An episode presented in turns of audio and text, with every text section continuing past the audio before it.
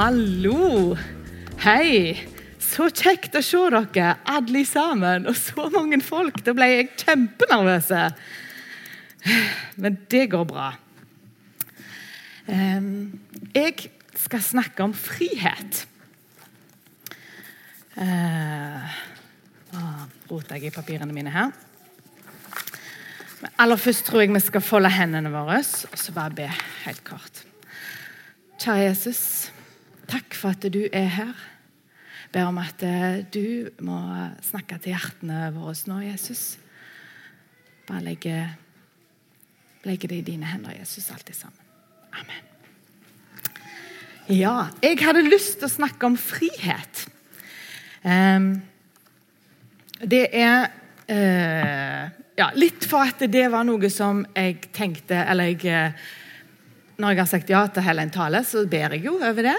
Uh, og så tror jeg jo at det er Den hellige ånd som snakker til oss. Det er jo det vi tror. Så når jeg har fått en del tanker om det, og gjentagende, så tenker jeg at det var gjerne noe Gud ville.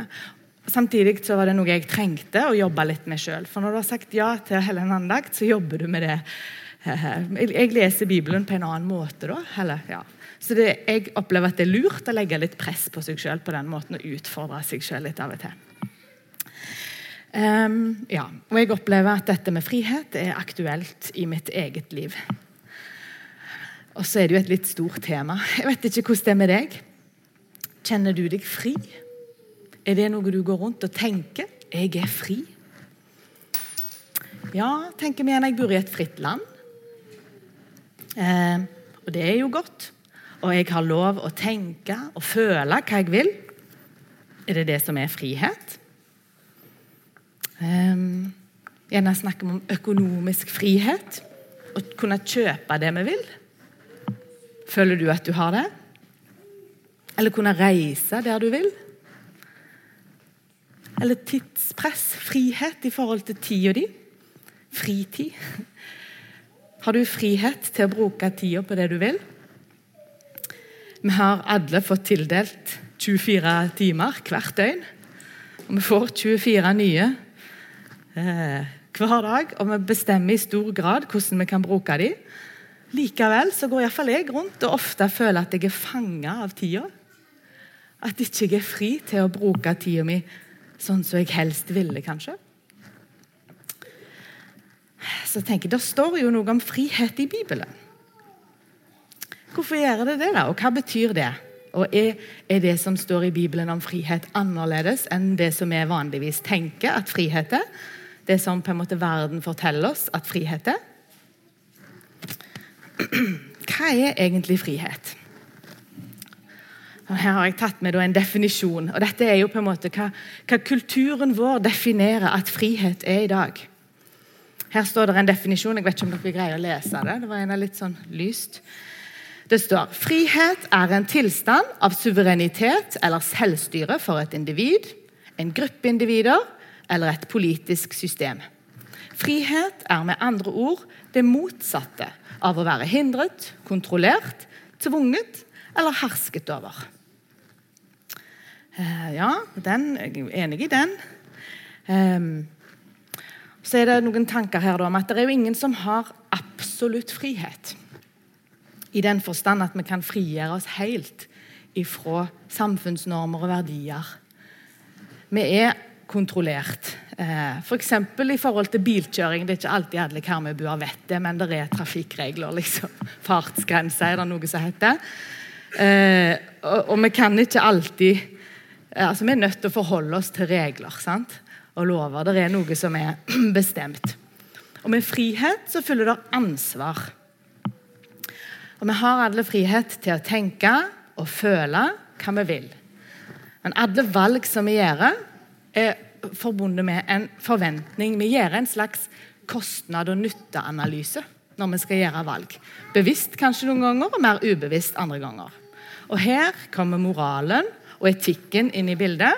Og valgene vi gjør, kommer, her kommer moralen, etikken og holdningene våre til uttrykk gjennom oppførselen vår. Gjennom hvilke valg vi har gjort. Er vi egentlig da helt fri? Det var en norsk filosof ei en som heter Kaja Melsom, som ga ut en bok i fjor, tror jeg. hun er ikke ei kristen dame, så vidt jeg vet, hun har eh, skrevet ei bok som heter 'Den fordømte friheten'. Eh, hun setter kanskje litt på spissen, men hun sier at eh, hun, kritiserer vår kultur nå da, og sier at jo mer frihet vi har skaffet oss, jo mer engstelige og utilpasse er vi blitt. Vi har masse fritid, men vi er mer stressa. Vi hyller kunsten å være seg sjøl, men vi skammer oss mer enn noen gang. Og jo mer vi fokuserer på romantikk og sex, jo mer strever vi med forholdene våre. Er dette et paradoks? Når vi liksom har fått så mye frihet med et av de beste landene i hele verden å bo i? Har vi for mange valg ennå? Vet vi hva som er vårt eget beste? Klarer vi alltid å gjøre gode valg for oss sjøl? Jeg lurer på om ikke dette kan være uttrykk for at kulturen vår er kommet langt vekk fra Gud. Så jeg har tatt med en definisjon til. Ehm, det er en som heter Paulo Coelho, som har sagt det. Han sier frihet er ikke fravær av forpliktelse, men evnen til å velge og forplikte meg til hva som er best for meg. Og Dette er jo et sånt klassisk eksempel på det kulturen vår sier i dag.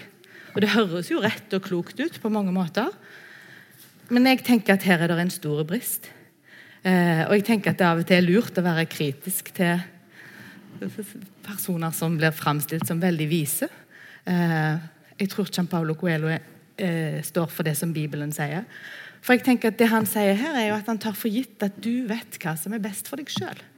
Og det sier ikke nødvendigvis Bibelen. Bibelen sier at Gud vet hva som er best for deg.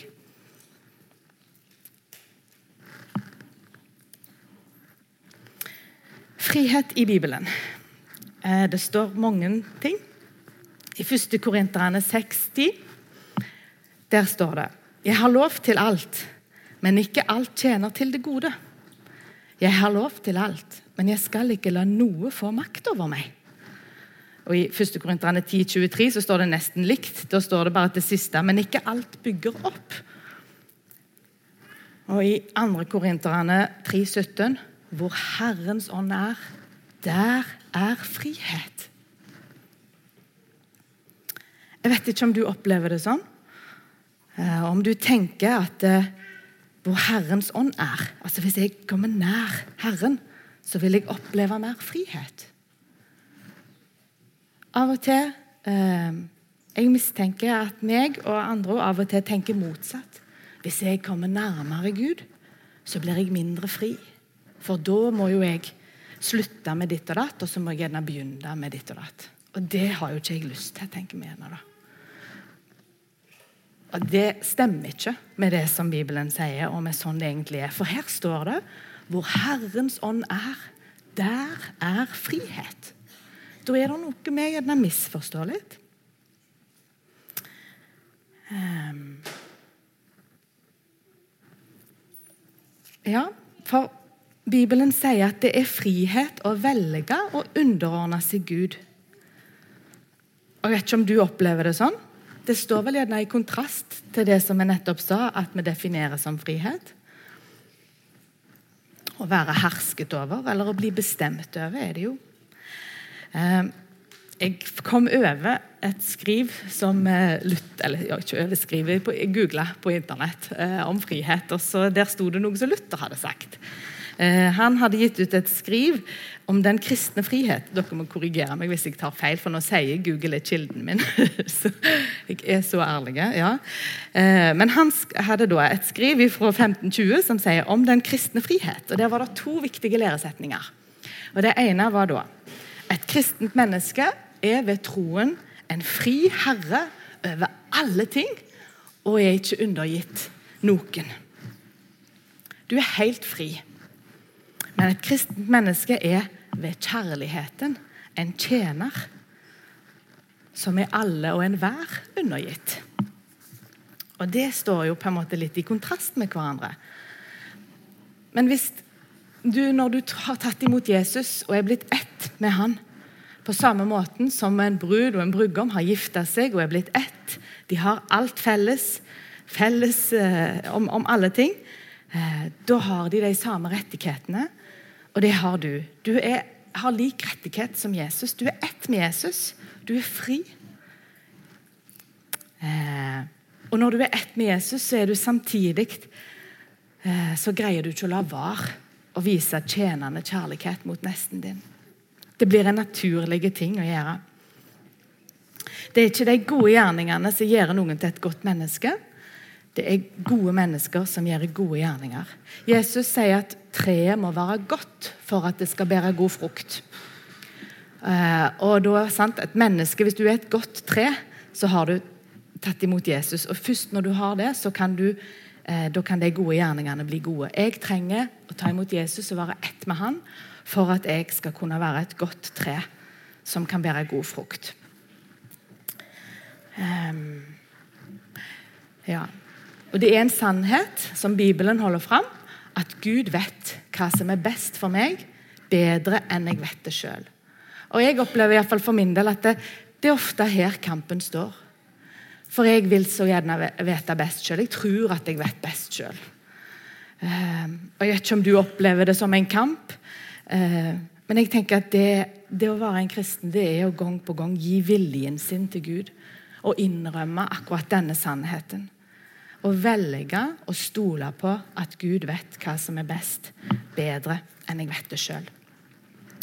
Og nå skal jeg fortelle en fortelling til dere.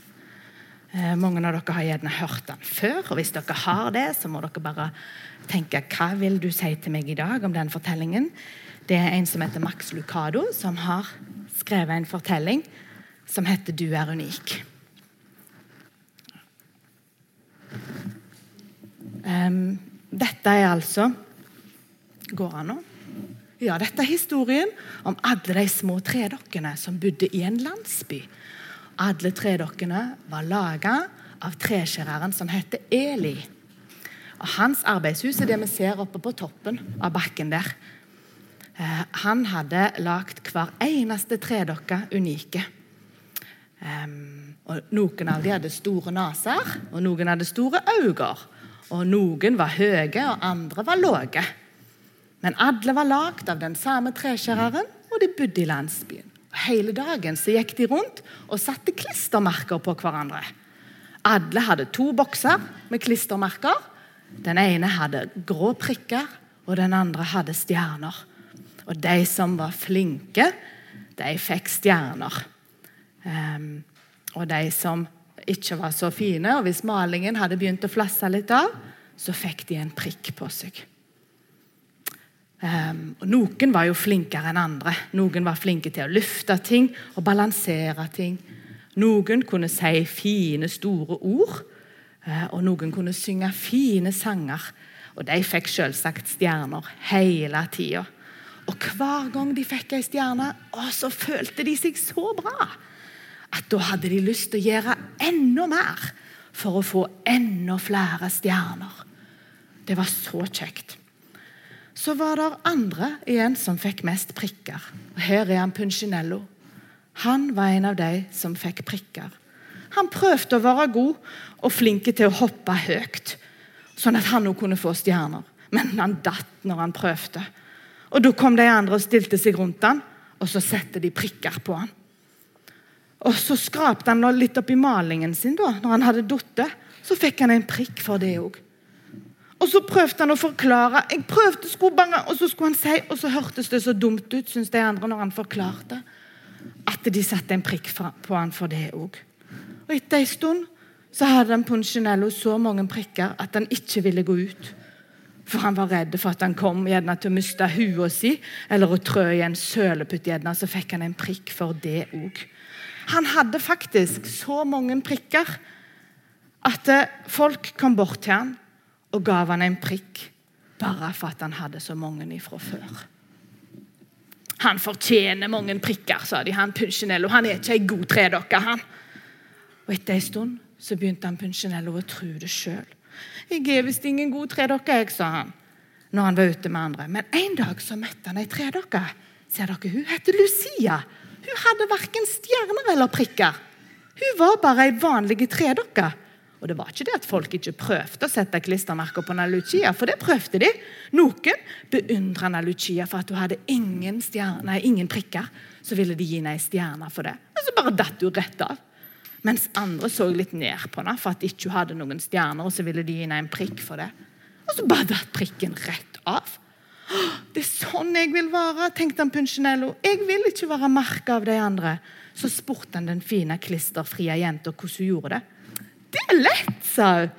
Jeg går på besøk til han Eli hver dag. Eli? sa han Punchinello. Ja, Eli, treskjæreren. Jeg sitter oppe i arbeidsrommet i lag med han. Hvorfor det? sier han Punchinello. Finn det ut sjøl, vel, sa hun. Du kan bare gå opp bakken på besøk til han. Han er der, altså. Så forsvant hun bare. Plutselig var hun vekke. Så sier han Punchinello, men, men, men, tror du at han Eli vil treffe meg, da? Men Lucia hun hørte ikke det, for da var hun allerede gått.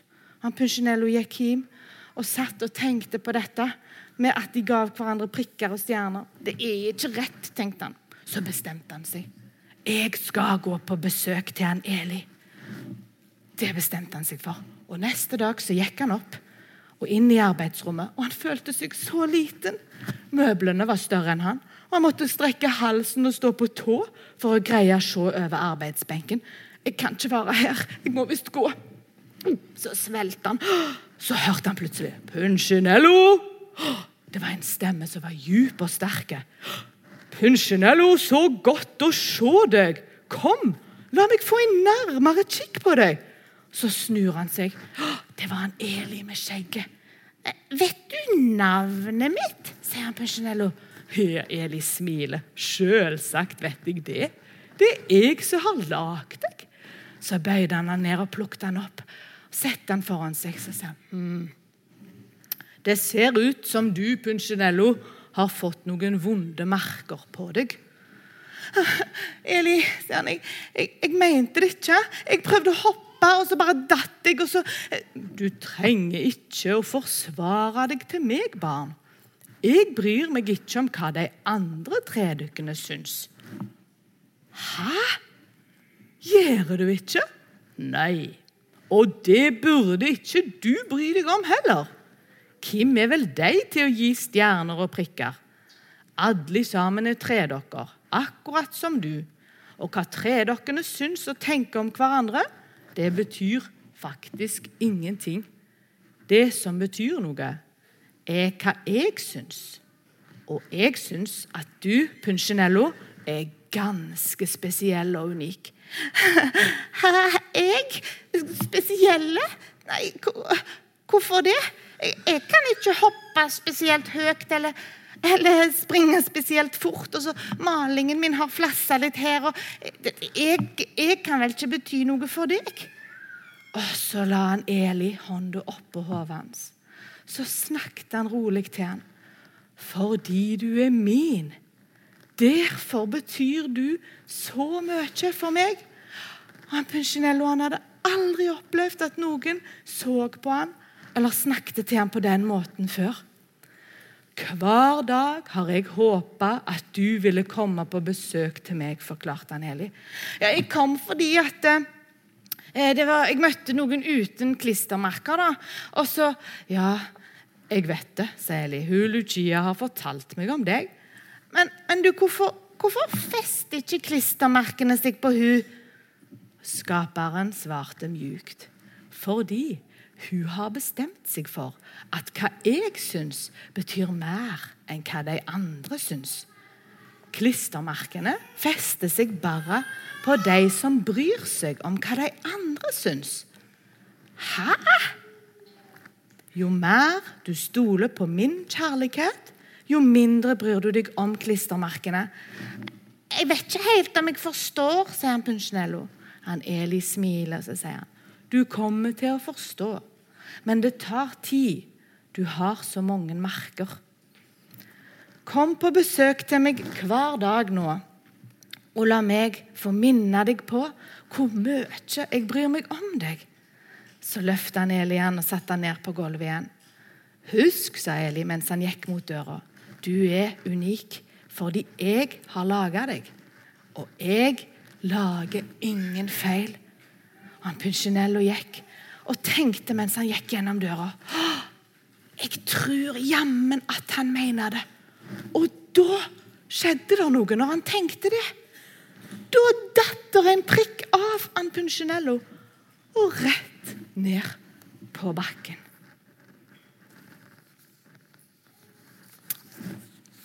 Det var fortellingen om han Punchinello. Av og til så kjenner jeg at jeg er fanga. Det kan være mange ting som fanger oss. Eh, det kan handle om manglende sjøldisiplin eller avhengighet. Eller jeg kan være fanga i et bilde eller en forestilling av meg sjøl som ikke stemmer gjerne med virkeligheten. Eller kanskje jeg prøver å være en utgave av meg sjøl som jeg ikke får til. Noen kan føle seg fanga i sykdom. Eller vi kan være fanga i at vi ikke syns vi har det fint nok i huset vårt. Eller at vi ikke har fine nok klær. Eller fine nok kropp. Um, kan det være at vi har en teoretisk forståelse av det som Bibelen sier? At jeg er en synder, og at Jesus har kjøpt meg fri, og at derfor er jeg en kristen. Og så stopper det som en teori i hodet mitt. Og I mellomtida så strever vi kanskje med å være gode nok. Eller med å iallfall ikke være verre enn de andre. Vi sammenligner oss. Så tenker jeg Var det alt, eller har vi gått glipp av noe her? Gjerne har vi synder i livet vårt som vi strever med, som vi ikke klarer å endre. Har prøvd mange ganger, og så detter vi tilbake igjen i det samme. Eh, jeg har tatt med Dallas Willard, det er en amerikansk filosof. Han har sagt noe fint om at disiplin gir frihet.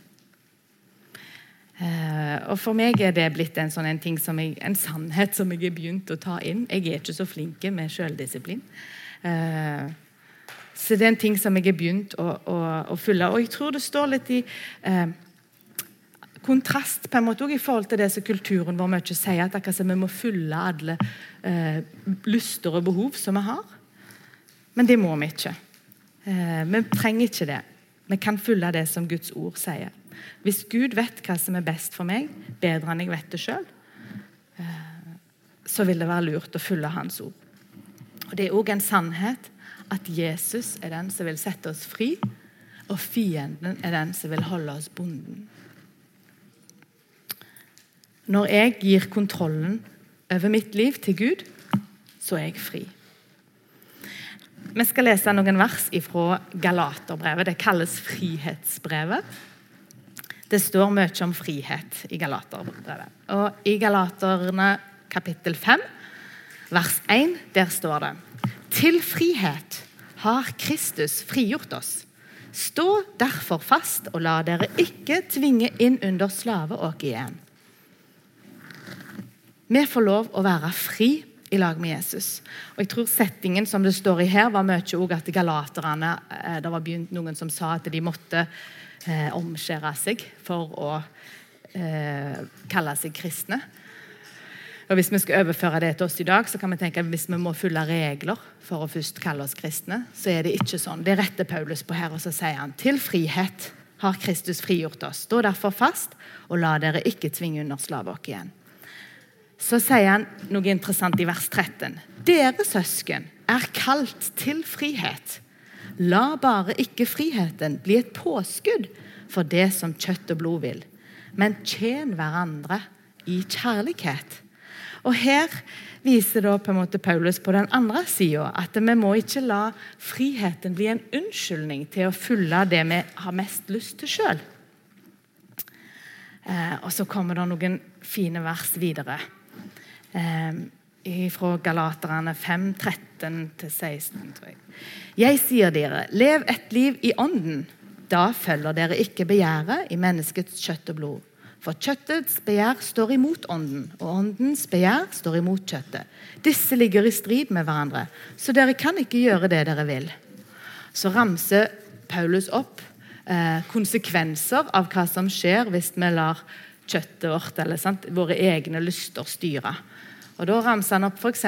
ting som, som, kommer. da. Det kan være fiendskap eller sinne, selvhevdelse, splittelse, misunnelse, sånne ting. Eh, så sier vi hvis vi lever livet i ånden, så vil åndens frukter vokse. Og det, De fruktene er kjærlighet, glede, fred, vennlighet, godhet, ydmykhet, selvbeherskelse. Den treffer meg. Um, og så står det så fint videre i kapittel 6 at vi skal bære byrdene for hverandre. Og oppfylle på den måten Kristi lov. Um, og videre i kapittel 6 vers 7 så står det det som forklarer det hele synes jeg, på hva det er som skjer. Der står det at det et menneske sår, skal det også høste. Den som sår i sitt eget kjøtt, høster fordervelse av kjøttet. Men den som sår i ånden, høster evig liv av ånden. La oss ikke bli trette mens vi gjør det gode.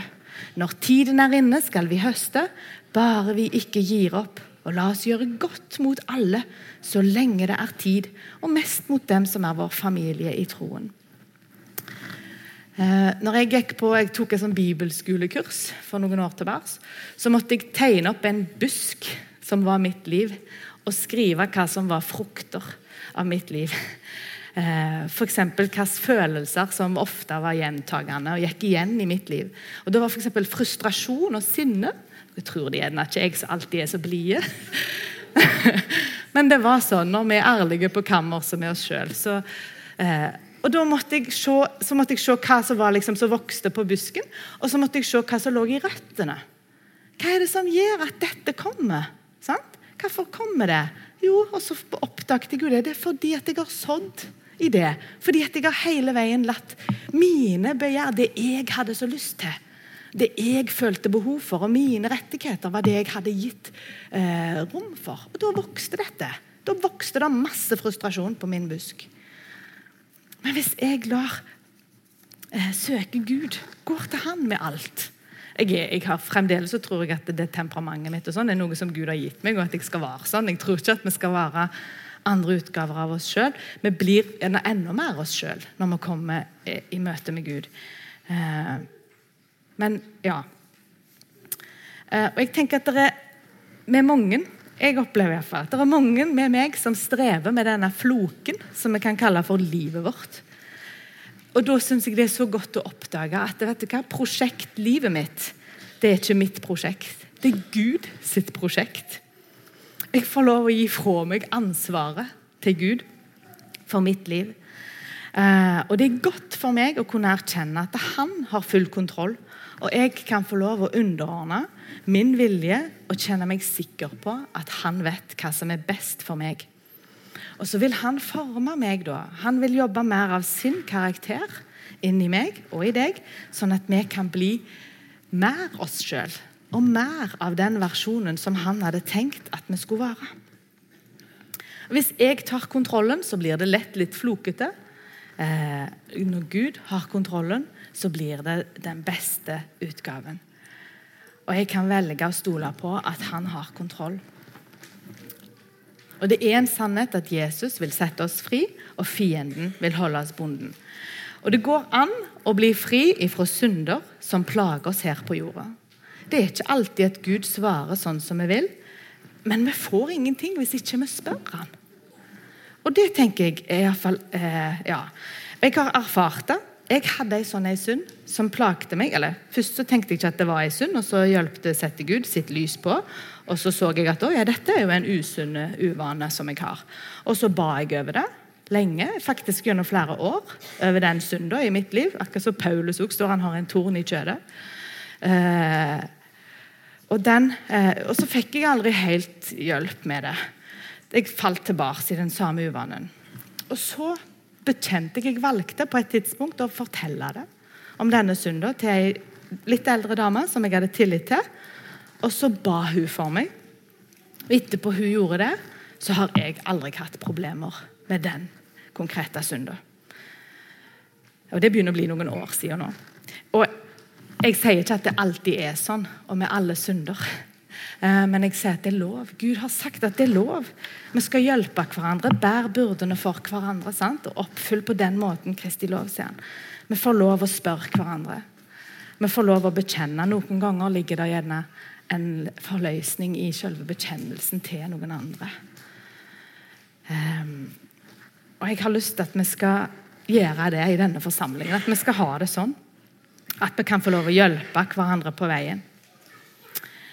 Um, det er lov å spørre noen i forbønnstjenesten eller noen du har tillit til. Så har jeg ett spørsmål. Hva er det som kjennetegner en som er nær Jesus? For det er på en måte ingen fasit på dette. Um, Paulus sier uh, ofte at uh, til og med når det er motgang og når det er vanskelig, så kan vi være glad og takke Gud, selv om det skjer triste ting. Og Det å være nær Jesus betyr ikke at det er fravær av kamp. Eh, vi har synder så lenge vi er her på denne jorda. Um, men vi har alltid en plass å gå med den kampen. Vi vet hvor hen vi skal spørre om hjelp. Vi går til Jesus, og vi hjelper hverandre. Og Gud han kan ikke endre oss eh, hvis ikke vi lar han gjøre det. Han står klar og har lyst å være i lag med deg om alle ting. Og Vi kan velge å ikke slippe han til hvis du snur på det. Vi kan velge å si nei, her vil jeg bestemme sjøl. Og da går han ikke inn og tar kontrollen. Du må la han få kontrollen. Du må slippe han til, og du må gi fra deg kontrollen. Og du kan gjøre det der du sitter nå, og tenke helt enkelt at ja, Jesus, jeg har lyst at du skal være herre i mitt liv. Jeg vil gi kontrollen over mitt liv til deg. Og så kan vi eh, Hva vi trenger å bli fri ifra, det vet Gud. Og han vil gjerne vise det til oss. Så kan vi gjøre sånn som han Punchinello gjorde. Han begynte å gå til han Eli hver dag. For det var gjerne ikke nok én gang. Den første gangen han Punchinello gikk, så datt det av én prikk. sant? Men vi må gjøre det hver dag. Og da kan vi be til han, og så kan vi lese i Bibelen hver dag. Det står ett vers, det fineste verset om frihet, i Johannes 8, 36. Får Sønnen frigjort dere, da blir dere virkelig fri. Vi må holde oss nær til Jesus, så vil vi få erfare friheten som han har. Så skal vi be. Himmelske Far, takk for at du har satt oss fri. Takk for at du har kjøpt og betalt så dyrt den straffen som vi skulle ha. Og takk for at det er frihet ikke deg. Takk for at du vil hjelpe oss og vise oss hver og en hva vi trenger. Og takk for at du vil forme oss. Ber om at du må lede oss mer og mer inn i din frihet og i din nærhet. Ber om at du må velsigne hver og en av de som er her, og de som er forsamlingen, som er på ferie nå, Jesus. Og jeg ber for bygda vår, Jesus. Og måtte enda flere få forstå hva din frihet er, og at det er hos deg den virkelige friheten er. Legg resten av møtet og sommeren i dine gode hender. Må du velsigne oss. Yes, Jesu namn. Amen.